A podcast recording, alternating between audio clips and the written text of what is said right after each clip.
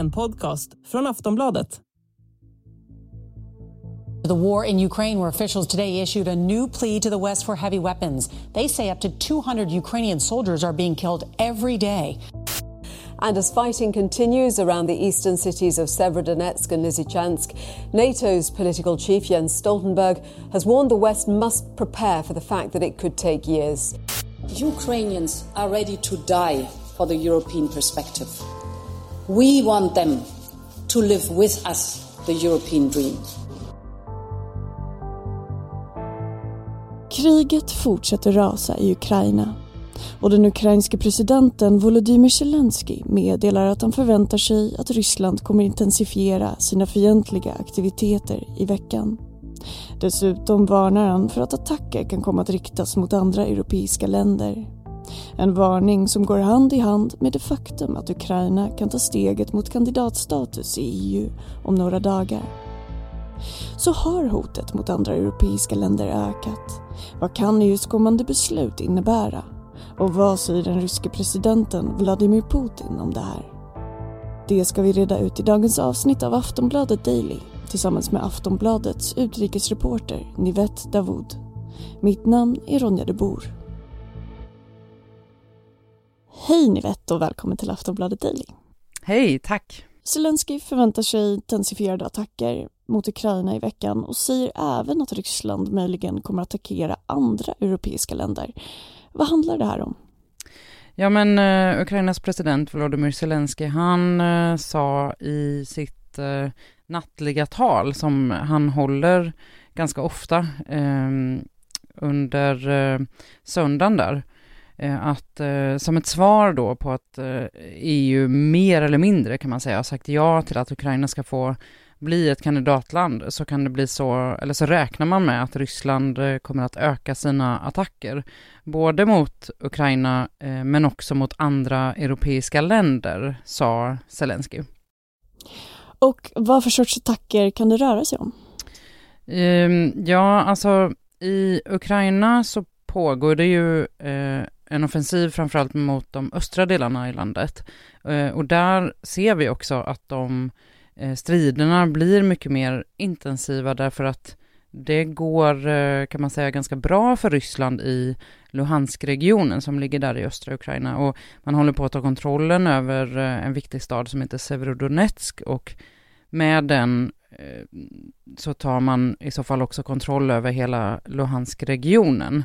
Ehm, sen mot eh, Europa så är det inte så att eh, det finns några konkreta varningar för liksom regelrätta militära attacker, men det vi har sett är ju att Ryssland eh, har växlat upp sin retorik, att man använder sig av till exempel påverkansattacker, olika sätt att störa liksom andra länder, eh, och det är mycket möjligt att det kan ske när Ryssland eh, blir mer, så att säga, irriterat. Ehm, så att jag tror att man ska liksom se det här också mycket som en eh, retorik från Zelensky att dels liksom det faktiska att det mycket väl kan bli ännu hårdare strider i Ukraina, men också att, att man ska se det här kriget som hela Europas krig. Han säger ju det ganska ofta, att det är vi som bedriver den här striden åt hela Europa.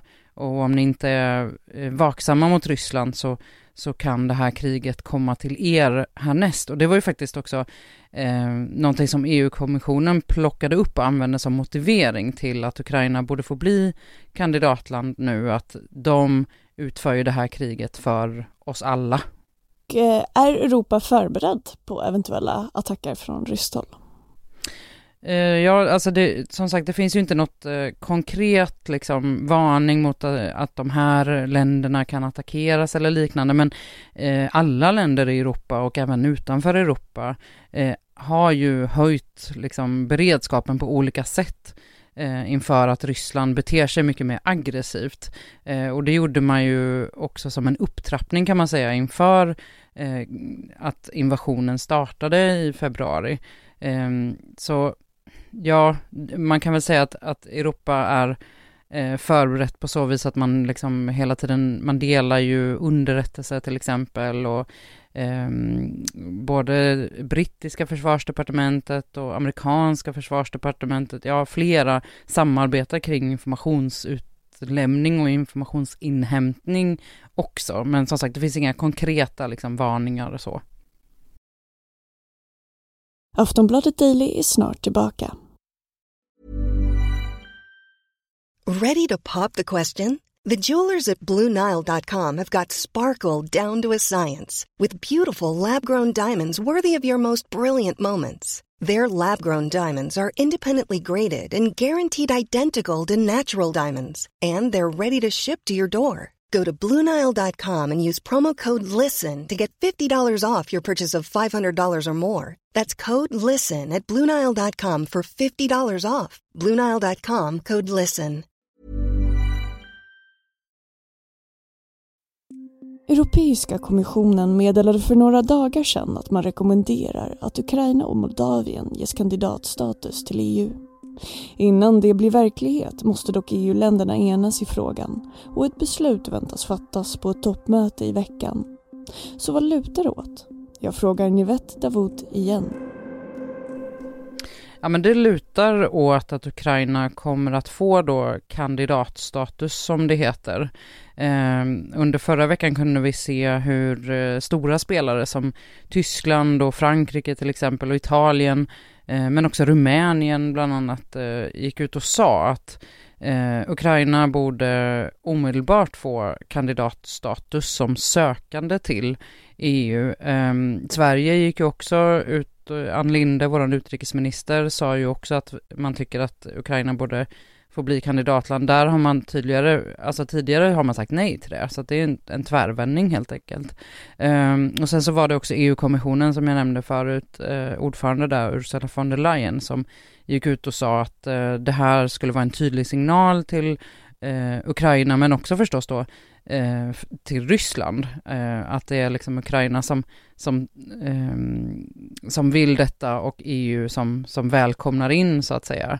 Eh, för Ryssland har ju liksom varit ute och pratat väldigt mycket om att Ukraina inte, inte bör dra sig mot väst. Eh, liksom. Så det, det är det hon menar med den här tydliga signalen och eh, symbolvärdet i att eh, på, på, på, ett vis kan man säga nästan tacka ukrainarna för att de har, eh, är redo att dö för det europeiska eh, säkerheten och perspektivet på ett sätt och då, då blir ett tack liksom att man uppfyller den här önskan om, som Ukraina har haft jättelänge om att gå med i EU eller åtminstone börja vägen till att gå med i EU. Vad händer då efter att EU-länderna har tagit ett beslut? Ja, precis, det är ju det här som är grejen att det här är ju egentligen en jättelång resa, eh, men det här blir ju så att säga starten på den långa resan. Det kan vara långt. Eh, Ukraina har ju många gånger sagt att eh, de vill, att, eh, vill gå med direkt i EU, ehm, men det är väldigt lite som tyder på att det kommer gå snabbt. Ehm, man pratar om åratal, om vi tittar på ett, ett land som Turkiet som ju också har kandidatstatus, de har ju varit, eh, har ju haft den statusen i över 20 år. Ehm, och det har pratats om, om lite liknande när det kommer till Ukraina, för att det är rätt mycket stora förändringar som behöver ske i Ukraina för att man ska liksom anses um, ha, ha, ha EU-värderingar, eller vad man ska säga. Um, till exempel då så behövs reformer eh, inom rättsstatsprinciper, eh, hur man hanterar sina oligarker, alltså de här rika personerna som har väldigt mycket pengar till exempel på grund av eh, olja eller liknande. Det, det, pratar vi ofta om när det kommer till Ryssland, men sådana finns även i Ukraina. Eh, arbetet mot korruption, Eh, är väldigt, eh, det är en väldigt stor fråga i Ukraina som EU har väldigt mycket synpunkter på. Eh, och liksom andra grundläggande rättigheter som, som EU har som krav på sina medlemmar att de här sakerna ska fungera och de ska fungera enligt liksom EUs regler. Man pratar mycket om, från olika EU-länder, om att när Ukraina ska återuppbyggas, man hoppas ju på att det här kriget ska ta slut väldigt snart, och att när då landet återupp Eh, återuppbyggs så ska det göras enligt EU-standard så att det blir en enklare väg in för Ukraina att eh, i slutändan bli EU-medlem. Och Kan ett land som befinner sig i krig gå med i EU? Ja, det där är ju väldigt intressant. Det finns liksom inte ett rakt ja eller nej, eh, att bara för att ni är med, för att ni är i krig så kan ni inte gå med i den här unionen, utan det handlar ju jättemycket om eh, Eh, värderingar, så sagt, om man, om man uppfyller liksom EUs krav. Eh, och det är ju inte en process som går från en dag till en annan, att man är med i EU, utan det är ju den här kandidat ehm, statusen och sen den får man för att man ska kunna börja förhandla Ehm, och liksom göra förändringar som passar in då till EUs värderingar. Och där ser vi ju till exempel, Turkiet är ett jättebra exempel på eh, där det står still och Turkiet eh, har ju deltagit i olika krig i Syrien till exempel och då handlar det ju om att man inte lever upp till värderingar som, som EU har beslutat om. Eh, så det är lite svårt att svara rakt på den frågan, men klart och tydligt är ju att många vill att Ukraina ska bli medlem, eh, oavsett om det är krig i landet eller inte, men att, att eh, man liksom inne i landet har en väldigt lång väg att, att gå och långa och många förhandlingar innan man kommer att eh, kunna bli medlem i EU. Har Putin reagerat på det här? Ja, eh, Rysslands president då, Vladimir Putin, han eh, sa faktiskt i förra veckan när det var väldigt mycket surr om det här med att eh, Ukraina borde få eh, kandidatstatus, eh, att han eh, har minsann ingenting emot eh, om Ukraina skulle bli medlem av EU, att det är landets eget, egna beslut att ingå i en ekonomisk union. Och det är ju lite annorlunda från vad han har sagt när det kommer till NATO, som ju är en försvarsallians där många europeiska länder är med. Um, för där har ju, det har ju Putin använt som ett argument för det som, som Ryssland då kallar för militära specialoperationen, varför man var tvungen att gå in i Ukraina, med, med Putins ord liksom.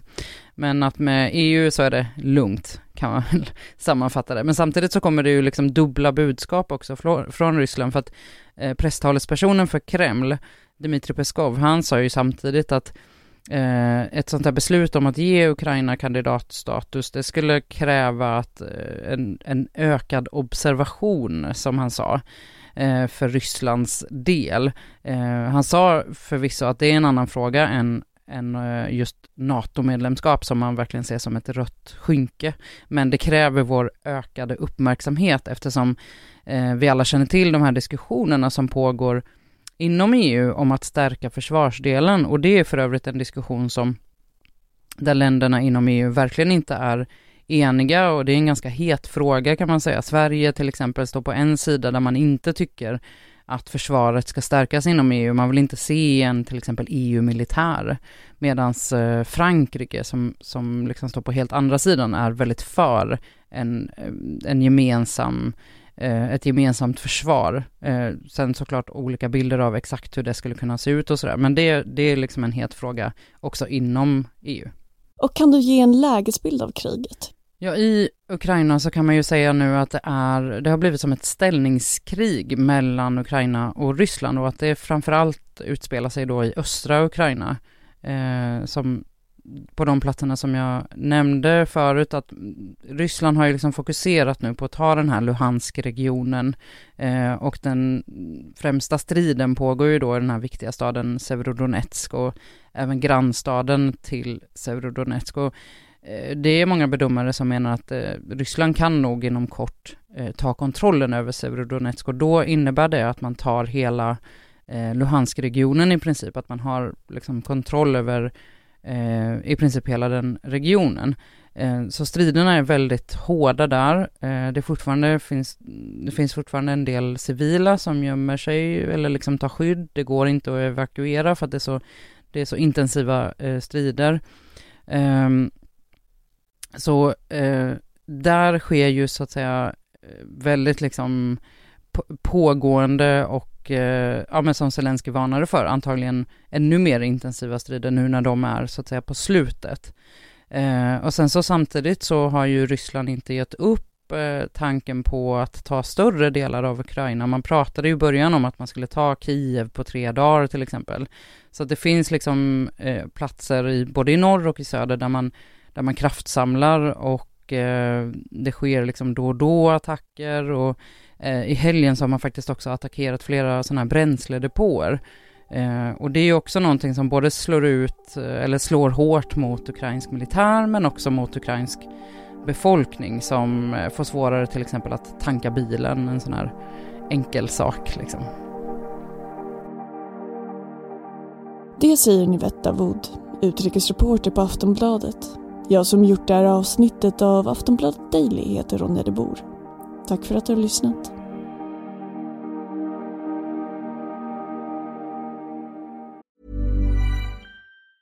Getting engaged is a moment worth cherishing. A one-of-a-kind ring that you design at Blue Nile can help your love sparkle. Just choose your diamond and setting. When you found the one, you'll get it delivered right to your door. Finding the right engagement ring can be nerve-wracking. At Blue Nile, you'll have the expert guidance needed and a diamond guarantee that ensures you're getting the highest quality at the best price. Cherish all of life's moments and save up to 30% at BlueNile.com. That's BlueNile.com.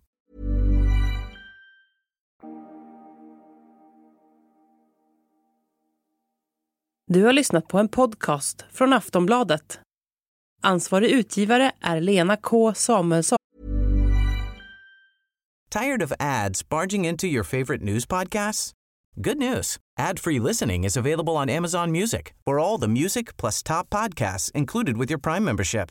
Stay up to date on everything newsworthy by downloading the Amazon Music app for free or go to amazon.com slash news ad free. That's amazon.com slash news ad free to catch up on the latest episodes without the ads.